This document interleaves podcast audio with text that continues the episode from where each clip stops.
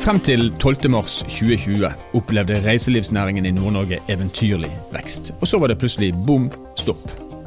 Hvordan går det egentlig med denne næringen nå, etter snart ett år i koronakoma?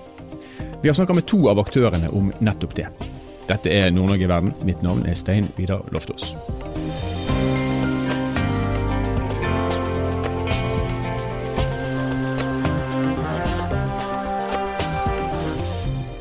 Vegard Uglebakken fra Alta hadde det han sjøl beskriver som eh, den feteste økonomijobben i Finnmark. Men i 2016 dro han tilbake til eh, Alta, drevet av drømmen om å bygge sin egen reiselivsbedrift. Så kom korona, og plutselig ingen turister. Og nå er han med oss her på eh, Nord-Norge i verden. Velkommen til oss, Vegard. Takk, takk Sten Vidar. Du, Hvis vi går tilbake til, til, 2016 og det valget du tok, hva, hva var det som lå til grunn for, for det valget du tok da? Nei, jeg jobber jo eh, på Svalbard innenfor reiseliv med, under Hurtigruten Svalbard som økonomidirektør, og, og ønsker å flytte hjem til Alta. Og hele tida ifra jeg jobba i Oslo og, og vært nordpå med nettverk og venner, så, så har jeg sett den gløden i øynene til, til, folkene som har vært der oppe i forhold til, til, å oppleve Finnmark og det vi har å by på. Så det var egentlig det som har utløst at jeg ønsker å satse innenfor reiseliv. Ja. Og så var det en eventyrlig vekst, det vet vi innenfor reiselivet. Og Hvis du kan si litt om hvordan du opplevde eh, tiden ifra du da starta og fram til vi kom til eh, 12. mars i fjor? Vi hadde en oppstart i 2017, januar, på Nord Ekspedisjon, som er turproduksjonsselskapet vårt. Eh, og da gikk vi jo inn i nordlysmarkedet, som har eh, hatt en sterk oppsving de, det siste tiåret, og ønsker å være med på den reisa. Etter det så, så starta vi et selskap som heter Nordmat i 2018, som er Stakeriet Mat og Vinhus i Alta og Gabo Bar, som da har fått inn Cannon Hotel nå i 2019. Så, så, hadde vi da egentlig en plan om å, om å, bygge en forretningsmodell som tar for seg hele gjestereisa. Mm. Altså skal du reise til Tromsø eller Alta, så kommer du med fly. Du må ha overnatting, du må ha mat og drikke, du må ha aktiviteter, og du må gjerne ha litt giftshop som type ullundertøy du kan legge på gjestene, og det som er blitt sjokoladekameler hos oss da, i forhold til sjokolade. Ja. Så den reisa fra 2017 til 2019 var jo kjempeinteressant. Det var en voldsom oppsving. I 2017 omsatte vi for 500 eh, 000. Eh, utgangen av 2019 landa vi på totalt eh, litt over 20 millioner. Wow. Hadde nesten 30, ja, litt over 30 ansatte på lønningslista. Ja. Så det var, det var, reisa før 2020, og så kan man si at 2020, det var det egentlig det man kan si nå og flire litt av, det er jo definisjon på dårlig timing i forhold til satsing. Hvis vi da snur oss og ser bakover fra 12. mars, for du beskriver et tre som var i ferd med å vokse rett både inn i og kanskje gjennom himmelen, og så kom 12. mars. Og hva har skjedd etter 12. mars for dere? 12. mars frem til i dag har jo vært Det, det er jo eh, ekstrem eh, det, det, er jo et ekstremt marked vi er i nå. Vi har hatt tre nedstenginger siden 12. mars frem til eh, denne uka. Tre totale nedstenginger av markedet. Så for oss som eh, er nå i, i, reiseliv, så medfører det jo en stresstest du egentlig eh, ja, hva skal jeg si, Du kan nesten ikke sette ord på, på hvordan markedene oppfører seg. Mm. Så man skal ikke grave seg ned i det som er. Eh, vi sa ganske tidlig i, i, i 2020, etter 12. mars, at vi, det vil komme noen muligheter. Uh, og de mulighetene gir oss forhåpentligvis en større oppside i fremtida når vi er ferdig med, med koronaen. Og, og, av det så, så har vi jo uh, faktisk kjøpt et hotell i april 2020 på Skaidi mellom Hammerfest og Alta, som er egentlig et strategisk veikryss på tur mot Nordkapp på sommeren. Mye busstrafikk. Uh, regionalmarkedet Alta, Hammerfest, Lakselv, Honningsvåg Havøysund vi en bruker mye til møter og kurs. Så har vi eh, da utvikla det til et firma-event-område. Eller vi har begynt med det. Som selvfølgelig tar år. Så um, koronaen vil gi oss muligheter. Men altså midt i den verste krisen, altså, og april det var jo kanskje den ja, henimot den mest depressive måneden vi har vært gjennom håper å si, noensinne i Norge. Da går du altså inn og kjøper et hotell altså, og skal ytterligere bygge på reiselivsbedriften din, hvor tar du motet fra? Nei, det er vel Vi bruker å si om vi er gale eller geniale. Skaidi Hotel var jo et case som vi hadde jobbet med siden desember. Mm. prosessen frem mot det kjøpet, så er det jo rett og slett en finansieringssak som gikk i boks pga. korona, Mm. hvor eierne har vært med på å lage de tidligere eierne med å finansiere det. Da. Så vi, vi tar jo selvfølgelig en stor risiko med, med å gå inn i det markedet, men sånn summa summarum for året, vi har omstilt hotellet, vi har tenkt eh, lokal- regionalmarkedet, møter kurs, Ja. Uh, Vi har hatt mye grupper på 10-30 på møter. Selve kapasiteten på hotellet er 90 på møte. Så pga. étmetersregelen så er den halvert til 40. Så den treffer veldig godt det mindre markedet. Og det, det tror jeg også er en omstilling som skjer nå i, i markedet fremover. Mm. Vi vil ikke få de store massene, som da også er en fordel for oss. Men du har også, i tillegg til hotellet som dere da kjøpte i, i april, så har du også inngått en avtale med Alta kommune om å overta et nedlagt sykehus. Det har dere også gjort i kriseåret 2020. Hva er planene der? Uh, Jansnes, som er gammelt psykiatrisk sykehus utenfor Alta, har vi egentlig jobba med i to år her. Og, så, så, så koronaen var utløsende til at vi kunne gå i en uh, bredere dialog med kommunen for å klare å få en opsjon på, på området. Jansnes er en helt unik plass i forhold til et fremtidig reiseliv. I, i april-mai så vi på å bygge et hotell, eh, konferanseområde på 160 rom, eh, med tilknytta hytter. Og det har faktisk endra seg nå bare på fire måneder. Jeg tror nok vi må, helt, eh, vi må ned på, på veldig unike konsept, altså 30-40 rom og et mindre område som gjør at du heller treffer den der eh, high-end-markedet på reiselivet. Ja. Og, og det her krever jo en finansiering, da, som eh, i løpet av de det her og de, de fem neste årene som er ganske heftig. Så vi får se. Det, det er utfordrende nå å få kort, eh, kortsiktig likviditet og selvfølgelig langsiktig likviditet inn mot reiselivet. Så, så risikokapitalen eh, eh, sitter ikke så løst opp mot eh, reiselivet. Så, så det er jo også litt av eh, det man ser med at kanskje mye forsvinner til Sør-Norge, styring og kontroll. Så vi skal prøve å unngå det. Vi har et mål om å omsette for 100 millioner innen eh, 2024, som mest sannsynlig blir 2025 nå. Så vi er nå i rute og skal ha 100 ansatte.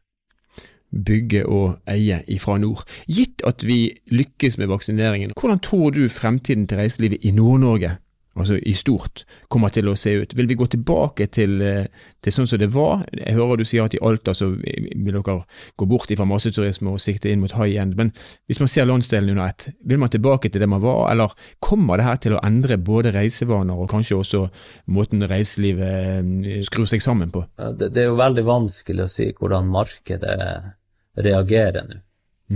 Men sånn i, i et fem-tiårsperspektiv så tror jeg vi er tilbake der vi var, helt klart. Jeg tror faktisk vi kommer til å få en enda større trøkk mot nord for at uh, Sånn som Finnmark, det er like stort som Danmark i areal, og vi har 76 000 innbyggere. Sant? Vi har god plass. Så du har liksom store volum du kan ta i Tromsø. Lofoten er jo veldig populær. Helgeland kommer. Så jeg tror det her eh, kommer til å få en positiv effekt. Vi må bare komme gjennom koronautfordringa som den er nå, og den, eh, den har vi forhåpentligvis en utgang på i løpet av sommer, høst, med vaksiner. Men hvis du ser på reiselivet sånn som det var før 12. mars, så var jo det prega av eh, veldig mange, og kanskje også veldig mange små aktører.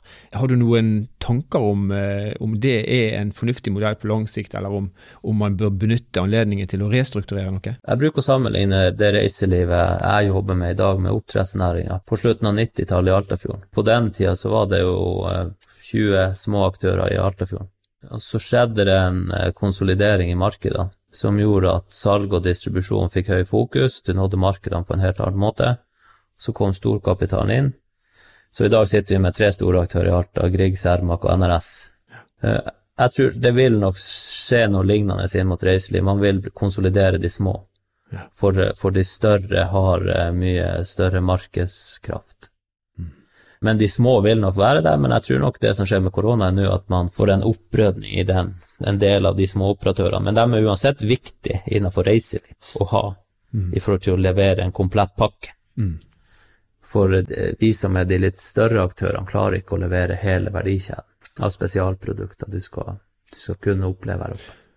Vegard Uglebakken, gal eller genial, det vil bare fremtiden fortelle oss eh, svaret på. Men eh, hvis jeg spør deg sånn helt til slutt, eh, er du Det er nesten et dumt spørsmål. Er du optimist eller er du pessimist, og hvor, hvor lang tid kan du holde det gående før at eh, den eventuelle optimismen bikker over i pessimisme? Nei, eh, det var jo litt hard den her nedstenginga vi fikk i januar nå, på nytt. eh, I og med at vi ikke har en, er den samme utfordringa med koronaen som i sør. Ja. Men, men det er sånn, vi jobber ganske hardt og tett mot NHO og gir dem innspill, og politikerne i forhold til å få endra forskrifter og lovkrav her nå. Så, så vi, er, vi er optimistiske, men eh, strikken er strekt nå. Ja. Det som driver oss nå, er at det vil gi oss mulighet. Så det kommer flere muligheter frem mot sommeren, det er garantert. Så det er det kanskje som driver oss. Det er bra. Vi ønsker dere masse lykke til, og tusen takk for at du kunne være med oss, Vegard Uglebakken. Sjøl takk. Ha det bra.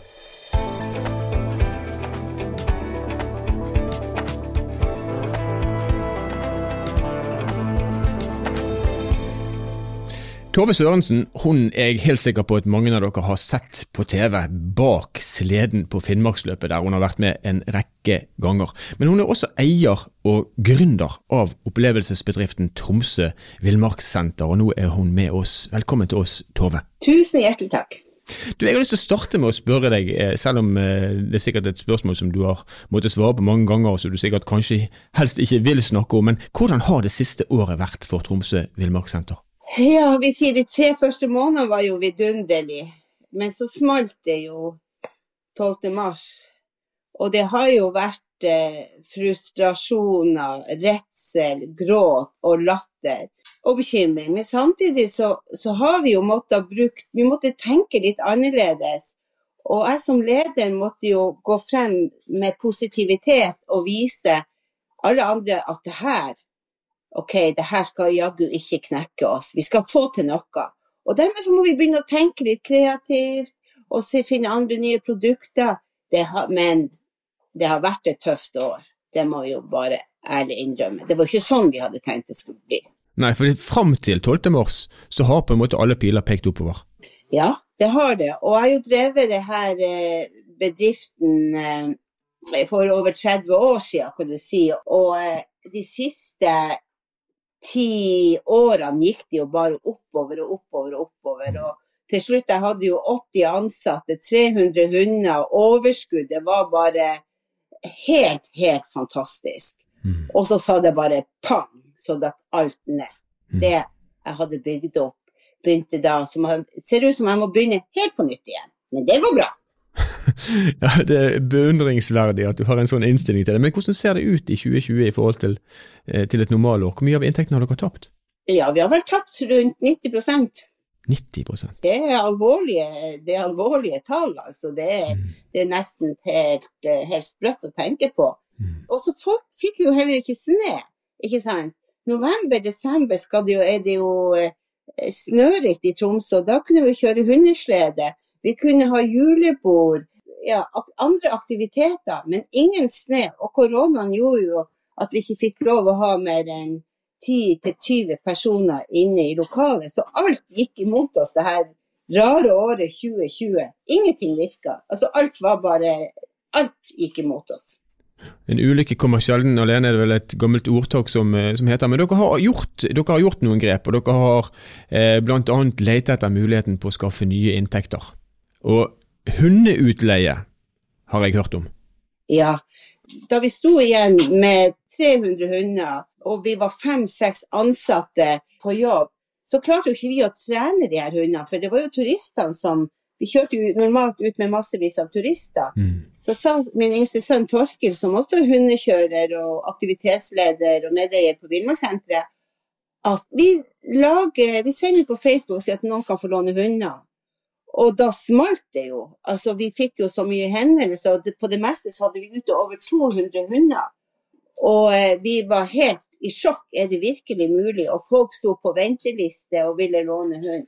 Sånn at det, det var det ene tiltaket som vi gjorde, sånn at vi slapp å arbeide så mye med dem, og at de- fikk også trening. Mm. Videre så åpna vi jo en eh, huskykafé, sånn at folk kunne komme til oss og, og få kose med valpene, kose med hundene.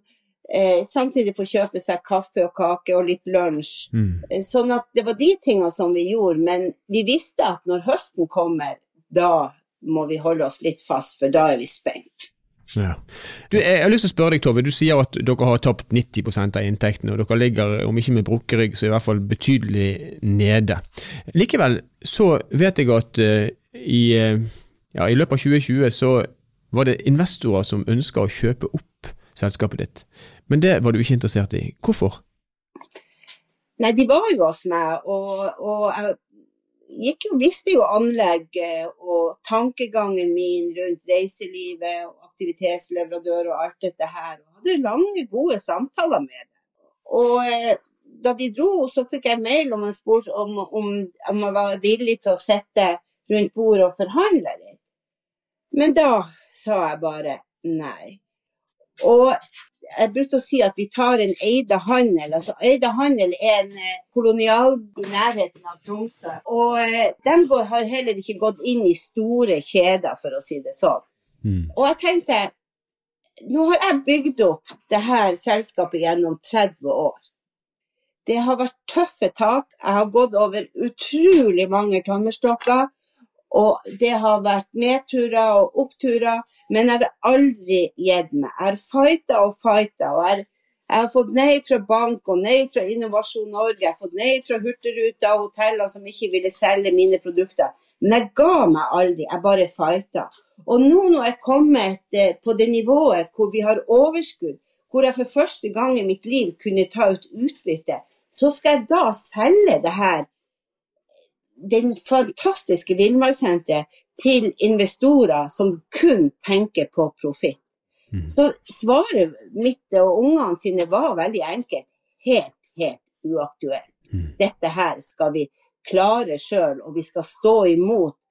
Det nytter ikke å bare komme og legge noe penger på bordet. Og det andre som jeg også hørte om, og jeg snakka med mange folk som kan det her med businesser, og de sier Vær forsiktig, for kjøper de deg opp, så skal du vite at det er ikke lang tid før du ikke har jobb lenger. Og det stemmer. Vi ser i media hva som skjer nå med disse som er kjøpt opp. Vi ser at det blir rettssaker om at daglig leder fikk sparken. Så det er helt uaktuelt for meg på noen tidspunkt å kunne tenke meg å selge vakre villmarkssenter til disse investorene. Men investorene er jo der, og der er, der er, selvfølgelig selskaper som tenker som deg, og så er det selskaper som velger å selge. Hvordan tror du det kommer til å påvirke Nord-Norge som reiselivsdestinasjon dersom større konstellasjoner, kanskje utenlandske konstellasjoner, får et godt grep om dette markedet? Jeg vil si det så sterkt at det er nesten en katastrofe. Det er sterke ord, men jeg skal fortelle hvorfor. Vi gründere som har bygd opp våre bedrifter fra ingenting av, vi har kjempa, og vi har vært helt ned på grasrota. Vi vet nøyaktig hva våre gjester vil ha. Vi kjenner landsdelen så utrolig godt. Og vi har hele den spiriten i kroppen vår som, som, bare viser hva vi virkelig, virkelig vil. Du vet, Når de kommer hjem til meg, eh, gjestene, så kommer de hjem til vår familie. Jeg har ikke bygd opp et svært anlegg, og så kommer turistene. Turistene kom først i små grupper, nå ble vi jo større etter hvert. Men videre, du kommer hjem til min familie privat. Og den viten jeg har om området, den viten jeg har om Tromsø og omegn, den er så sterk at jeg tror at en vanlig en person kan ikke bare komme inn og ta over og tro at du kan gjøre det samme.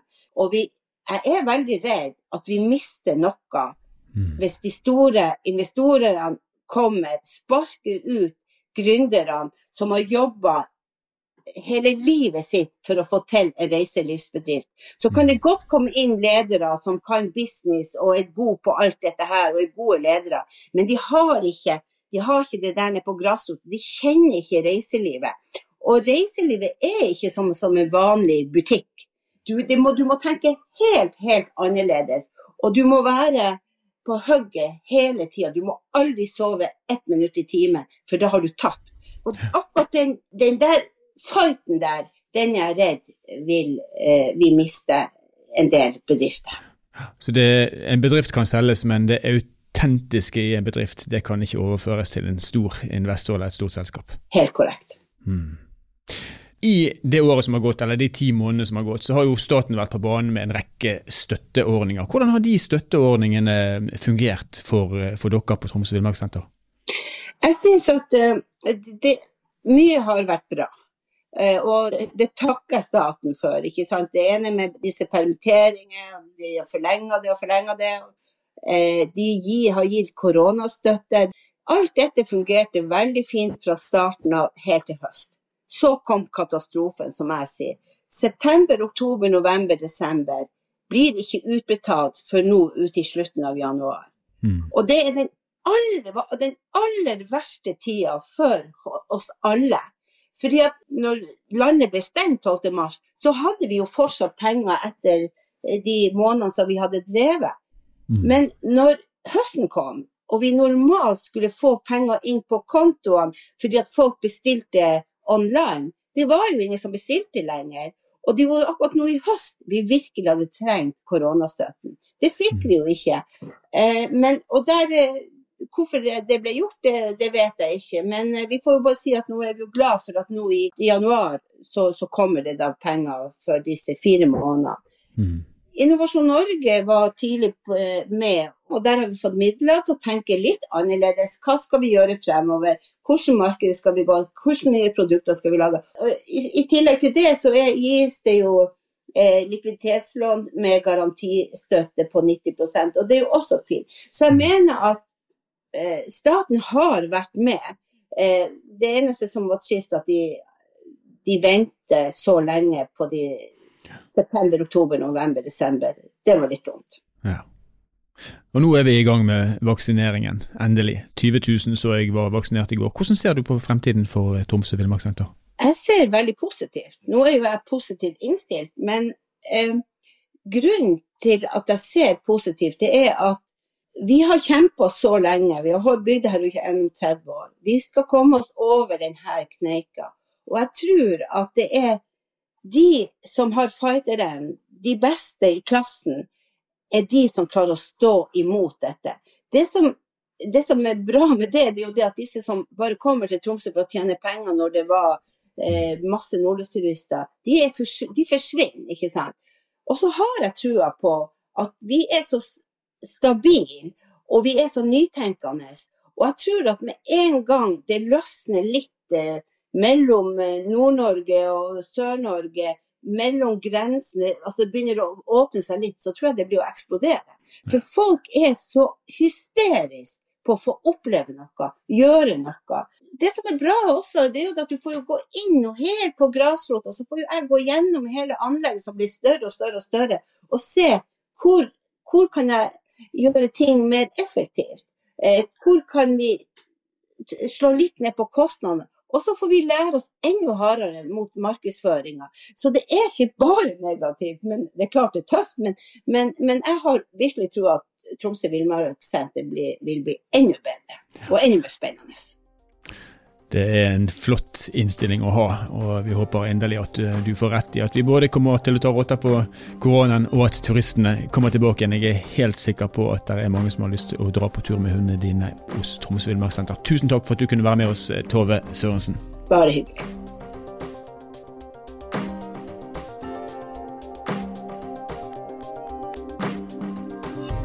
Så reiselivsnæringen, som eh, skulle bli kanskje den neste oljen, i hvert fall fra Nord-Norge, den har altså nå ligget ti måneder med ganske brukket rygg. Men vi hører at aktørene i reiselivsnæringen de er optimistiske. De bygger faktisk eh, i nedgangstider istedenfor å legge seg ned og synes synd på seg sjøl, og det er positivt. Og så er vi selvsagt avhengig av at turistene kommer tilbake igjen. Men som eh, Tove Sørensen sa, det er et sug i folket nå etter å få lov til å gjøre de tingene man tok som ja, en selvfølgelighet før koronaen brøt ut. Og hvis vi klarer å slå ned viruset, så skal vi ikke se bort ifra at turistene er tilbake igjen. Ja, og at ting blir som før, og kanskje enda bedre. Den som lever, får se. Nord-Norge i verden er en podkastserie som er produsert av Kunnskapsbanken Sparebank1 Nord-Norge i samarbeid med Helt Digital. Musikken du har hørt er laget av Emil Karlsen, og mitt navn er Stein Vidar Loftaas. Vi høres igjen i neste episode.